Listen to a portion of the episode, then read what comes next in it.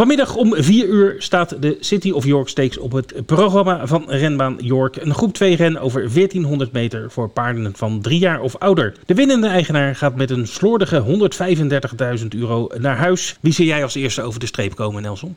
Ja, baan en afstand uh, winnaar uh, Space Blues. Die uh, is de favoriet, maar die zie ik heel ver komen. Opgefrist naar Medan. De logische favoriet, maar draagt wel topgewicht. Dus dat is wel een, een kleine slag om de arm. Uh, daarachter winnend plaats. Sir Basker liep erg goed op Salisbury over de mijl. En die gaat nu terug in afstand over 1400 meter. Uh, die heeft zeker een kans. En afstandsspecialist Glorious Journey.